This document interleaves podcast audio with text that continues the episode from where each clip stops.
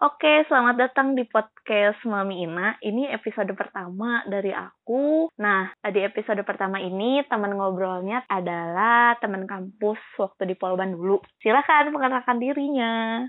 Halo, saya Larasati. Jadi, aku sama Ayas tuh teman kuliah di Polban dan jurusannya sama. Nah, jurusannya referee. Ya, kalau aku ya biar cepet ya, Yas. Biasanya gini, kamu jurusannya apa? Mesin udah titik gitu kan. Terus misalnya ada orang polban lagi gitu ya di, di terus pasti bilang apaan? Kamu kan referee iya referee nah udah gitu panjang ceritanya kan jadinya. Referee apaan sih? Kulkas. Gitu aja terus. Jadinya aku males kan gitu. Ya kalau udah. aku tuh kalau lingkungan kerja lingkungan kerja atau lingkungan teman-teman lain, teman-teman kuliahan yang beda jurusan gitu ya. Kalau nanya jurusannya apa? Refri dengan senang hati oh. ngejelasin gitu. Oh ya udah jelasin aja nggak panjang gitu. Pasti mereka banyak yang kepo karena bagi mereka aneh banget gitu kan refri. Di lingkungan cowok yang banyak terus mm -hmm. ceweknya sendiri gitu. Ini kan kerja ya beda dengan kuliah gitu. Gimana tuh? Kalau kerjaan yang sekarang aku jadi kan aku ceritain dulu nih dari uh, uh, uh. kuliah aku udah empat kantor ya pindah tiga kali berarti. Iya ah benar. Udah pindah tiga kali ini kantor keempat dan di sini aku ngerasa yang bukan masalah perempuan atau laki-laki. Kita dinilai omongan kita berdasarkan apa yang uh, udah kita kerjain sebelumnya dan apa statement kita gitu. Statement hmm. kita masuk akal nggak masuk akal bagi orang gitu. Kayak gitu-gitu. Tapi kalau di kantor lama uh, perempuan kenapa agak kurang serak juga sih.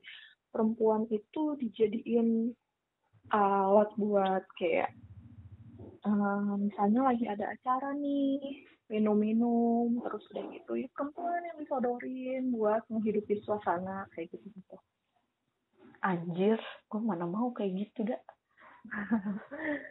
harus mau dulu sih kalau enggak ya gimana ya namanya kita anak buah gitu kan? Iya sih cuman kan kita bisa berkilah maksudnya. Betul dengan... bisa berkilah. Di satu momen di dua momen di tiga momen kalau terlalu keseringan tuh udahlah tapi ini di kantor yang keempat ini ini udah yang hmm. paling benar nih menurut kamu dari sisi apa ya? Memandang hmm. perempuan dan laki-laki dalam satu kantor gitu menurutku iya. Memang di kantor ini proporsi perempuan dan laki-lakinya tuh emang belum rata ya. Jobdesk-jobdesk tertentu kayak kalau aku kan di sales nih. Salesnya jelas masih kebanyakan laki-laki dibanding perempuan. Cuman uh, apa ya? Aku mandang itu tuh bukan um, ya mungkin kata orang masalah tapi aku tuh kayak yang ya kita dilihatnya dari ini sih dari capability kita sendiri gitu kalau aku ngelihatnya kayak gitu gitu hmm. tapi kalau untuk kerjaan uh, kayak yang tadi aku sebutin sih nah kalau oh. di tempat kamu gimana emang nih kan kalau di tempat aku sebenarnya sih aku tuh lebih geli kayak ke ada nih ya beberapa sikap kayak yang pabrik gitu pernah tuh kayak kecentilan. Hmm. whatsapp whatsapp habis itu terus dia menjurus nggak menjurus sih cuman kayak ih hebat banget ya cewek nih bisa uh, hmm. apa namanya udah kerja habis itu udah punya anak udah punya suami gitu. Hebat banget sih gitu gitu gitu ya anjir sih banget sih nih orang gitu kan ya bapak tuh hmm. terus kan kalau aku kan orangnya kan tipikal langsung to the point gitu kan. Hmm. kayak apaan sih lu pak? Gitu. Lebay gitu kan. Terus saat ini sih ya aku pernah ngerasa kayak bener-bener dilecehin banget sih pernah nih di kantor. Jadi ada satu bos lagi meeting gede nih kita. Ada orang Jepangnya juga di situ. Terus aku nanya gitu kan pak ini tuh maksudnya gini gitu kan. Jadi gini sayang. Gitu dia bilang. Males banget cing gitu kan ya. Terus saat itu tuh ya aku tuh speechless itu deh kayak entah marah entah kaget tapi aku diem aja gitu.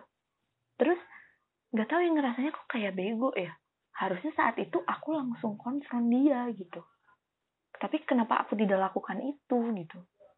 Makanya sekarang tuh kalau aku ketemu ya sama orang ini nih ya langsung di depan aku tuh kayak mm, kesel banget. Kayak kesel banget kayaknya aku mau ngomong sama dia di sini. Hmm. Pak, apa yang kamu lakukan itu menjijikkan gitu. Kayak emang sih lu tuh ada dendam tak terselesaikan gitu tapi masa gue tiba-tiba ngomong sih gitu kayak apa banget sih itu kenapa nggak kemarin gitu. Enggak sih. Perasaan enggak ada tuh aku mah tidak pernah merasa telat untuk aku ngomong apa yang aku rasakan sih. Jadi aku akan ngomongin tuh ke orang itu ya aku nggak peduli ya jabatan dia. Tapi yang apa yang dilakukan tuh tidak sopan gitu. Hmm. itu tuh kayak itu satu departemen aku jadinya ngejekin aku gitu. Dengan hal Yang itu. sayang Kayak, iya tiba-tiba manggil sayang. Ya maksudnya kan ada di mana kita tuh mau berteman dengan orang gitu ya. Manggil beb beb gitu ya. Ayo bro gimana? gitu Hmm. kan ya. Itu kan aku cuma mau lakuin itu ke teman-teman doang gitu. Ya Iya. lu bukan temen gue. Jing gitu kan ya ya gue gak mau lu digituin siapa gitu kan ya. Benar. Gitu. Benar benar. pernah gak sih ngerasain ngerasain yang kayak gitu? Seringnya itu customer. Soalnya customer tuh kadang karena tahu perempuan tuh pas misalnya habis ketemu pulangnya chat ada kebutuhan apa misalnya. Terus udah masih kayak yang gimana ya genit. Itu genitnya tuh ada oh, kita bisa bedain dong sopan sama genit ya? Mm-mm. ramah sama genit. Oh. ada aja gitu yang bikin gak nyaman. Terus puncak-puncaknya pernah ada satu orang yang isi chatnya tuh misalnya kayak gini. Baik. Eh apa gimana? Oke siap mbak Laras cantik. Kayak gitu-gitu. Dan Oh gitu. Kayak disuit-suitin catcalling gitu ya? Ya sama sih. Gue juga hitungannya itu catcalling sih ya Iya nggak sih? iya kan? iya lah ya. Nggak tahu ya gimana Iya, pokoknya ya kita kagak nyaman aja ya dipanggil kayak begitu. nggak nyaman gitu. Ih gitu. Ini orang apa sih gitu? Terus iya ya tapi posisi lu di situ nggak apa ya serba Jadi salah ya? customer- dong dia gitu. oh iya. Iya. aduh gue bingung sih ya kalau berhubungan dengan marketing marketing gitu makanya kayaknya aduh gue kayaknya udah langsung dipecat nih gue banyak marah-marah sama orang gitu kan ya. Eh, dulu gitu. pernah. Mm-mm, pernah apa lagi? Eh, lima tahun yang lalu kali ya awal-awal aku kerja tuh di chat sama orang kantor aku lupa isi chatnya apa itu jam 2 pagi dan aku emang belum tidur ya lagi kelihatan online gitu. Jadi ya udahlah bales aja gitu kan saat itu. Mm-mm. cuman di satu titik dia ngomong apa ya? Apa? Ini gua lagi ngebayangin elu apa gitu. Apa? Gitu. Ngebayangin apa? Ngebayangin Dia elu sange. apa gitu. Iya betul. Itu telepon dia? Chat chat. Cing ya anjing apa sih anjing anjing anjing gitu saat itu terus kamu ngerasa nggak di situ kalau kamu yang salah? Iya pasti iya nggak? Iya nggak? Iya aku juga kayak ngerasa tuh apa aku salah gitu ya? kenapa ya gitu ya? Apa aku terlalu genit di kantor? Apa aku salah ya? Harusnya nggak aku balas Iya. ini chat gitu. Iya gitu. Harusnya jadi yang kenapa aku menyalahkan diri aku sendiri ya saat orang juga Hmm. melakukan itu sih? Benar-benar ya udah gitu takut aja ketemu dia gitu terus udah gitu eh tapi nggak bisa marah karena eh, udah tua gitu kan. Terus aku tuh masih belum tahu hal-hal kayak gini masih panik digituin tuh masih nggak tahu harus gimana masih takut doang digituin gitu. Pas sekarang sekarang mulai eh, mulai tercerahkan. orang oh gitu. iya iya. kita kan satu circle satu circle kerjaan nih gitu. Terus kadang dia nanya gitu soal soal eh, nanya nyari orang lah nanya kerjaan apa gitu ya Eh, ngechat gitu pernah satu kali telepon gitu terus kayak yang mau ngangkat banget tapi mikir dia ngechat ngechat ngechat ngechat terus terus telepon ya udah akhirnya gue angkat ya dia nanyain benar-benar Orang. enggak Hmm. nyinggung ke situ gitu tapi Hmm. saat teleponan itu dalam hati tuh ah, pengen ngumpat gitu kayak eh pengen marahin dia yang kejadian saat itu gitu loh hmm. sampai sekarang aku belum pernah marahin itu orang gitu Hmm, itu kayaknya harus tahu. dikasih tahu Hmm. sih tuh orang tuh salah tuh ya.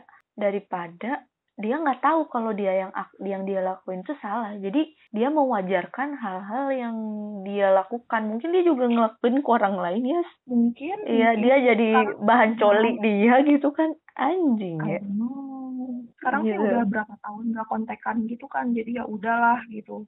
Hmm. tapi aku mikirnya saat itu saat terakhir kali ntar kalau dia ada apa-apa lagi lihat aja gitu meskipun dia baik saat itu datang dengan baik-baik dengan pertemanan gitu lihat aja gitu karena aku udah gak Gimana bisa diem terus gitu Iya, kita kan marah gitu ya, keadaannya marah. Tapi kayaknya memang banyak nih ya orang yang ngerasa bahwa yang pertama disalahin tuh malah diri sendiri. Kalau melakukan apa Hmm. kalau kita tuh dilecehkan gitu ya nggak sih? Kita kayak ngerasa Betul. salah. Apa ini aku pakai baju salah? Apa ini aku make memoran gitu dandan gitu? Apa aku tapi ya setelah Jangan. dipikir-pikir setelah dipikir-pikir ya emang pikirannya nggak nyampe cuy enggak emang pikirannya emang udah emang udah goblok sejak dalam pikiran aja itu orang sih emang dia gue. merasa itu wajar gitu kan. iya gitu dan dia merasa wajar dan nggak tahu in terms of dia bercanda atau enggak gitu ya. Menurut kita kan kagak lucu ya gitu ya. Tapi sih kalau menurut aku ya Yas, yang kayak gitu tuh perlu dikasih tahu sih. Ya sih harusnya ya. Gitu. Mohon maaf gitu. Ya, nanti aku coba. Iya sih, kita nggak bisa lah di bercanda atau enggak tuh ya. Maksudnya itu tuh kelihatan jelas lah. kalau soal nyalah nyalahin diri nih Mm-mm. jangankan sama orang yang kenal atau sama orang yang kita interaksi langsung. Iya. Kamu pernah nggak di jalan? Wah anjing itu di jalan pernah banget. Anjing itu marahnya Aing sampai sekarang pernah banget. Ah, Pernah aku dua kali dan itu kayak kenapa nyalahin diri gitu. Enggak aku nggak nyalahin diri aku tahu dia yang salah. aku aku. balik ya ngejar-ngejar dia tau nggak? Pingin kayak aing tonjok pingin kayak aing apa ya pingin kayak aing tonjok pingin kayak aing bunuh saat itu juga tau nggak Hmm, itu Kamu kejadiannya kayaknya baru-baru ini kayak adalah setahun belakangan ini ya. Yang pertama tuh ya aku kan jalan pulang ke rumah. Nih Hmm. kan eh, perjalanan dari kantor ke rumah tuh nggak jauh-jauh amat jadi aku jalan gitu kan. Nah terus ada tuh motor nyerempet nyerempet gitu kan apa ke arah-arah trotoar gitu. Jalannya pelan-pelan gitu cuy. Pelan-pelan gitu. Tapi ya kan kalau aku kan orangnya cuek kan jalan ya jalan aja gitu ya terus waktu dia minggir-minggir gitu tiba-tiba dia pamer kontol Anjir. Awesome. anjing itu sakit sih terus kan gimana sih ya itu kan si motor kan jalan ya jalan walaupun perlahan-lahan ya tapi kan istilahnya kita harus ke otak dulu kok. Oh, dia pamer kontol gitu kan ya. Terus waktu gue sadar dia pamer kontol, waktu di belakang eh udah jauh. Terus aku kejar orangnya. Terus dia langsung ngegas lah ya. Terus gue Oh, bilang, ah, tolong gitu. Gue teriak-teriak aja kayak gitu ya. Tai gitu. Gue pengen kayak, ya. Hebat banget. Bisa ngejar. Iya. Soalnya udah tahu sadar bahwa itu itu bener sangat kelihatan bahwa ini salah gitu. Hmm. Tahu banget bahwa oh ini tuh udah terlalu kelihatan bahwa ini tuh salah gitu apalagi ya maksudnya dengan aduh aduh aku aku, aku kayak ngebayanginnya aja sampai sekarang tuh kayak masih suka derdek gitu ya kayak Hmm. ada orang yang bisa kayak gitu terus terus Aku terus kayak gitu pernah nah di Mm-mm. jalan. iya heeh, gimana Eh, waktu itu di Manado lagi kerja memang jalan nih sendirian di trotoar. Terus udah gitu jadi kan ada mobil parkir di pinggir jalan banget nih mepet trotoar. Nah dia tuh si orang itu tuh berdiri di balik mobil di trotoarnya posisinya. Pas aku jalan udah hampir kena mobil apa namanya bokong mobil nih mau nyamperin gitu ya jalan mau lewat gitu dia pamer titit juga pamer kontol oh my god. Kok jadi sama sih? Gila gila gila gila. Terus udah gitu terus udah gitu dia naik motor ya? dia jalan berdiri. Ya asli asli. Ya, terus? Berdiri madep aku. Yang tadinya tuh madep pinggir terus tiba-tiba madep ke aku terus ngeluarin titit gitu. Terus yang kamu lakukan yang aku lakukan nge-freeze iya kaget panik gemeter aku mundur terus Aha. nyebrang jalan terus aku lari kenceng nggak tahu. Diem duduk aja ya. Masih shock. Eh, mikir shock. Mikir mikir tuh yang ada di pikiran aku saat itu adalah aku kayaknya salah pakai baju apa ya? Aku saat itu pakai kemeja panjang bener kemeja kerja gitu. Hmm, hmm, hmm, baju hmm, aku terlalu ketat atau gimana ya hmm, atau ekspresiku atau apa gitu. Aku mikirnya gitu loh. Hmm, apa sih kok orang akhirnya sadar kalau itu tuh orang gila nih hmm. iya sih. Dan itu masih kayak ngebekas ya? ngebekas banget ngebekas banget anjir. Iya yang nggak hilang hilang. Waktu kecil pernah nggak? Waktu kecil pernah. Iya sama waktu kecil juga pernah. Aku pokoknya pernah mengalami itu berarti sampai saat ini ya tiga kali lah. Dari waktu kecil tuh. Iya yang waktu aku kecil gimana? Itu membekas itu dia megang roket. Goblok anjir. Di jalan gitu. Aku masih kecil itu masih kayak SD orang nggak kenal gitu. gitu. orang nggak kenal itu. Di pasar banyak orang. Bukan di pasar sih kayak tahu kan Puri dua. Puri dua kan suka rame tuh kalau hari Sabtu Minggu. Iya, kayak iya pasar iya. dadakan. pasar dadakan gitu kayak dikit aku tuh kayak takut si Ica nih adikku kan dia sekarang kelas 2 SMP nih. Hah. yang aku pikir mungkin setiap anak kecil perempuan pasti pernah ngerasain setidaknya satu Hmm. kali gitu. Iya iya dan aku neken banget ke si Ica. Ya pernah nggak ada gini gini Cak pernah nggak? Cak pernah nggak? Cak pernah nggak gitu loh? Hmm. jawaban dia tuh enggak kok. Nanti kalau ini gini kayak jangan gini gini ya aku selalu gitu kan. Dia iya iya enggak kok aku nggak pernah enggak kok aku nggak pernah. Tapi masih Hmm. tetap ada takut gitu ada Oh, iya, iya. pikiran Hmm. aduh ini dia nggak mudeng kali atau aduh dia takut ngomong kali gitu jadi Iya, iya, iya. iya. Iya iya iya. Hah, lelah ya perbicaraan ini jadinya kok agak-agak berat. Ini apalagi aing yang punya anak kan ya. Aing yang punya iya, anak kayak punya anak perempuan rasanya gimana sih nak ya takut Pokoknya- sih gitu? Tapi aku mau mem- takut sih iya. Takut iya. Cuman aku nggak mau membuat dia jadi nggak bisa ke mana-mana gitu. Karena ketakutan Hmm, aku. yang aku bisa lakukan aku harus men- mengeduket dia dari kecil gitu. Eh, bahkan sampai sekarang pun aku bilang itu vagina. Terus kalau misalnya dia aku akan mengajarkan sex education sekecil mungkin ya. Sedini mungkin waktu dia paham waktu dia nanya aku akan kasih tahu dengan gamblang. Itu apa namanya? Iya ini nenek mami ini apa namanya? Buah dada mami gitu. Dan ini nggak boleh dipegang sama orang loh deh ini ini punya dede. Ini nggak boleh dipegang sama orang lain. Kalau misalnya ada yang kayak gitu teriak. Ini punya dede nggak boleh dipegang sama orang lain. Gitu aja terus terusan tapi harus ya saat kita kecil ya emang kita pernah nggak sih diajarin bahwa itu tuh boleh itu tuh enggak gitu? Terkait dengan pelecehan tadi ya. Kita pernah gitu? Nggak pernah kan? Aku sih nggak pernah ya. Iya nggak tahu lah kita. Emang dulu pelajaran biologi juga baru dapatnya juga kapan? Pelajaran biologi juga anjir apaan? Perkenalan- Waktu kalau pelajaran biologi teman-teman sekelas tuh pada sibuk sendiri bercanda yang "Yeay," gitu. Iya. eh ini tuh yang dijelasin materi reproduksi gitu. Cuman kayak prosesnya gitu kan gimana bisa jadi gitu. Nggak ada yang porno tapi orang-orang ribet gitu. Gimana kalau sex education gitu loh lebih apa gitu. Yang penting sih menurut aku sih kesadaran si orang ininya ya. Maksudnya si cewek-cewek ini nih kayak adik adik kamu kan masih kecil tuh kesadaran gitu bahwa ini tuh tubuhnya dia dan orang ada bagian tubuh yang nggak boleh dipegang sama orang gitu. Harus sadar itunya dulu ya menurutku sih. Itu aku tekenin terus. Hmm. nah dari dia kecil. Iya iya iya. Paham paham paham. Aku juga selalu nekenin itu ke anakku walaupun dia kagak ngerti-ngerti mungkin dia masih empat tahun. Tapi ya tetap aja aku kasih tahu ini namanya buah dada. Ini iya kalau punya nama mami nanti gede. Ntar juga punya kita gede nggak boleh dipegang sama orang lain. Ya gitu gitulah. Hmm. ya itu kayaknya beda segmen lagi nih kayaknya kalau soal soal anak gitu kan. Maksudnya dari orang tuanya sendiri aja mengalami hal-hal yang mengalami hal-hal yang gak ngenakin ya maksudnya dan itu tuh Hmm. kayak kita masih S sampai Hmm. sekarang kita masih ngebekas itu kayak 15 tahun yang lalu 20 tahun yang lalu kali ya. 15 lah ya. Nggak lupa nah aku Nggak pernah lupa ya? waktu kecil itu dua kali aku ngalamin yang pertama aku umur empat tahun Hmm. di mana umur empat tahun itu memori itu kita udah bisa nginget nah oh ya gitu ya ingatan Wah. ter ya katanya Aku udah bisa orang ingatan pertama itu di empat tahun tiga Hmm. tahun belum ah Katanya I gitu.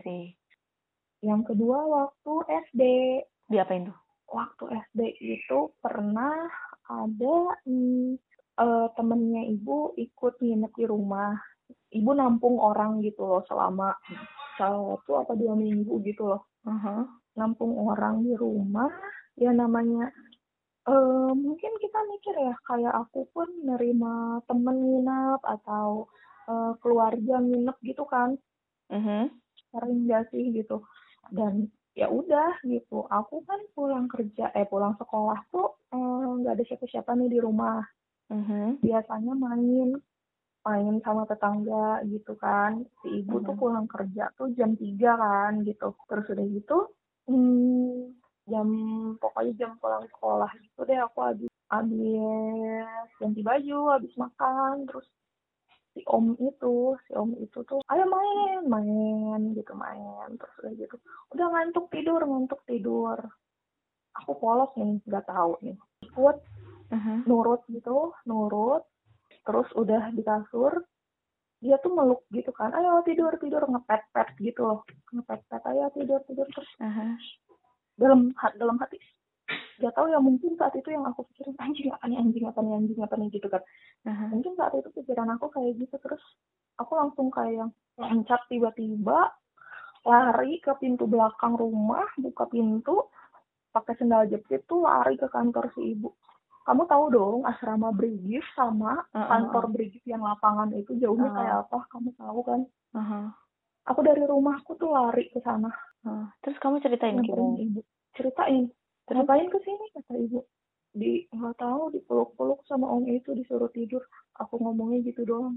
Ah, terus? udah sih. Aku saat itu aku nggak tahu kayak gimana. Cuman baru beberapa tahun ini terakhir aku ngobrol sama si ibu. Aha. Dia langsung ibu samperin saat itu kan gitu ibu usir Kagak gue usir sih, gue bunuh sih. Tai lu ya. yang. Aha. saat itu tuh eh, saat kecil tuh kita tuh nggak tahu kayak gini loh kayak misalnya tuh keluarga kadang ada yang meluk Mhm. keluarga ada yang nyium pipi gitu nggak sih saat itu tuh gitu kondisinya yang gendong apa gitu jadi dia pikir mungkin aku akan ngerasa biasa aja gitu Mhm. tapi saat itu aku ngerasanya ancaman banget padahal nggak ngerti gitu loh dan Hmm. cuman takut doang yang ada dan kabur gitu loh Hmm. Dan sekarang malah aku mikir punya anak nih, bahkan keluarga pun nggak ada yang boleh nyium pipi anak nggak ada yang boleh pegang pegang Jangan bilang anaknya di penjara aja di rumah kagak boleh ke mana-mana. beda dong. Iya.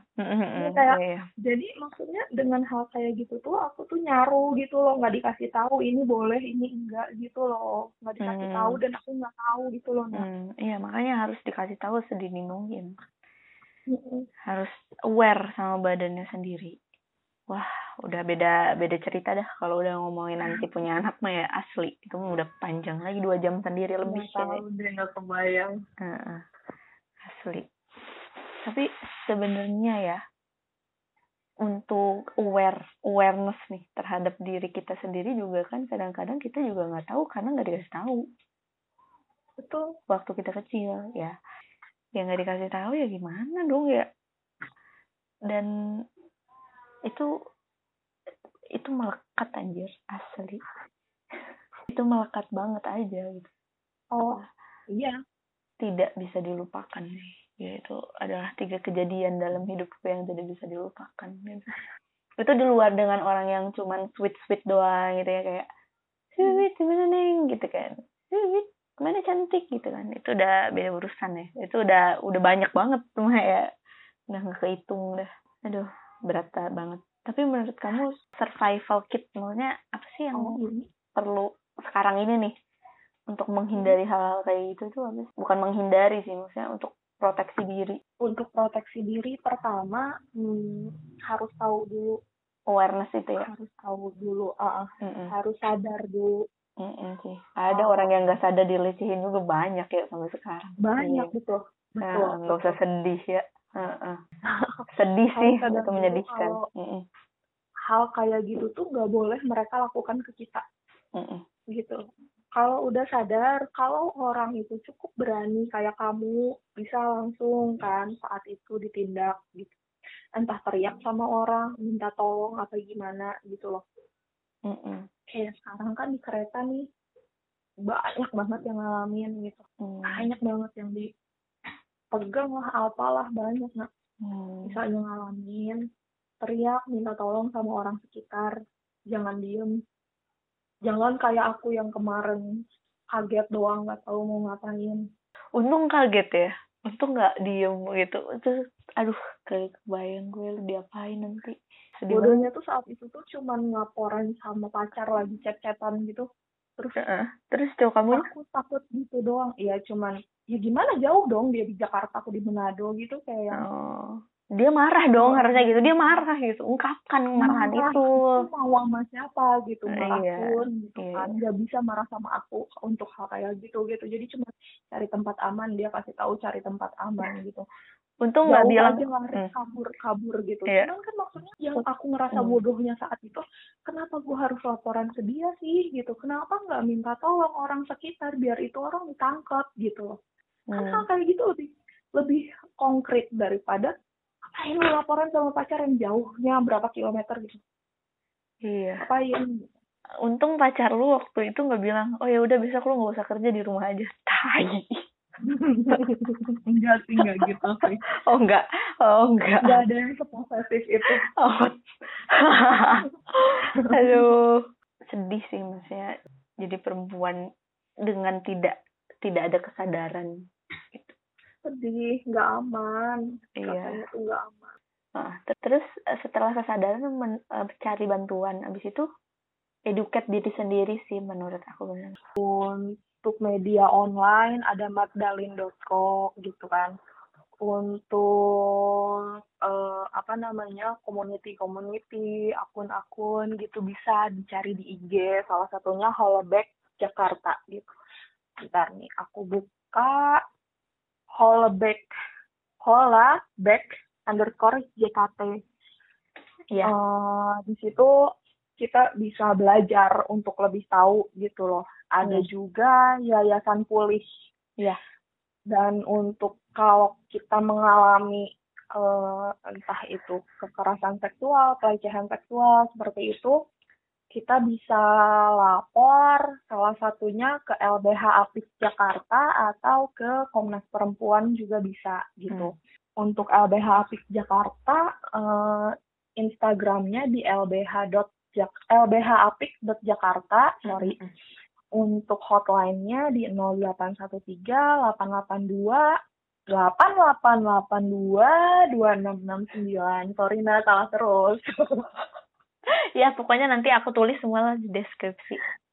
iya silahkan Ah. ditulis Nah, ah, terus sih sebenarnya yang sebenarnya kalau misalnya nih ya kayak call center Mm-mm. ini tuh bisa dimasukin nih kayak ke aplikasinya Jakarta kan dia punya clue tuh dia kan Mm-mm. si si clue ini tuh sebenarnya kan aduan masyarakat nih terhadap jalan kok jalan Iya. rusak lah lampu nggak nyala lah terus? sama pekerjaan si eh, apa namanya pegawai-pegawainya pemerintah lah gitu Mm-mm, kan. gitu. Cuman dia harusnya bisa nambahin sih di situ aduan tentang kekerasan seksual gitu. Sebenarnya belum ada. Jadi bingung juga orang mau ngehubungin ke mana gitu.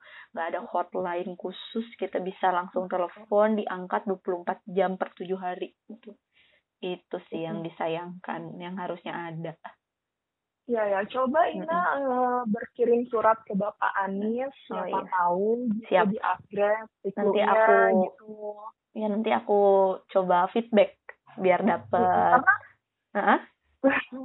Iya karena sayang banget di Clue itu kalau aku lihat kan kita mulai dari pengaduan terus eh, apa sih follow up-nya bagus lah ya. Iya benar dia ada warna ada tandanya sendiri gitu terus Mm-mm. sudah dikerjakan sedang dikerjakan sudah selesai itu ada gitu Bagus sih emang iya setuju aku juga. Hmm. Ya, ya nantilah kita feedback bisa. Ada yang mau ditambahin? Oh, aku ada masanya aku nggak cerita soal itu bahkan yang iya kan? aku waktu Heeh. SD tadi pun aku diam aja sendiri karena ngerasa itu tuh aib gitu loh Iya, padahal itu tuh itu udah aib. udah achievement sih kalau kita udah bisa cerita tuh menurutku Hmm. ya. Ya itu tuh bukan aib karena bukan salah kita Mm-mm, setuju. Jangan ngerasa salah. Jadi jangan ngerasa salah sama diri sendiri gitu. ya, karena yang salah yang ngelakuin Iyalah. yang nerima gitu Heeh, emang kita mau ngelihat ih anjir please banget lah. Aduh, kan apa ya? goblok tahu gitu ya. gitu Kayak anjir please banget tuh lah. Itu dia kenapa sakit ya orang kayak gitu ya? Aduh sakit sih. Coba cari teman cari teman yang bisa kamu percaya kamu cerita Mm-mm. seenggaknya dengan menceritakan apa yang kamu takutkan gitu kan itu namanya Bisa healing lah sedikit gitu ya. ya bisa healing kamu lebih menerima diri gitu loh Hmm, hmm, hmm, tapi kalau misalnya emang bingung-bingung banget ke mana boleh ke Larasati Yunisa atau ke Adina Hakiki gitu aku Bisa, insya bisa. Allah bisa menampung gitu loh Iya ya. meskipun Heeh. asing gitu Coba. di Instagram tidak perlu follow gitu DM aja nggak apa-apa gitu Iya iya. Eh tapi kan podcast ini juga ada emailnya dong. Nah, ntar bolehlah Wah, email-email. hebat. boleh Ke boleh kirim aduan gitu. ke podcast mamiina at gmail.com gitu ya Iya iya bener. Tahu banget ya. Gila. Gue bayar nih lah. Pinter banget asli. boleh benar-benar Ah. enak kok cerita sama Ina gitu Iya. mungkin bisa dibantu juga Iya. gitu sama mami Pokoknya untuk episode kali ini kita udah terlalu lama banget nih, hampir sejam. Terima kasih untuk yang dengerin. See you next episode. Gak tahu aku ini mau uploadnya kapan karena editnya kayaknya pusing. Thank you ya. Thank you Ayah. ya Ya.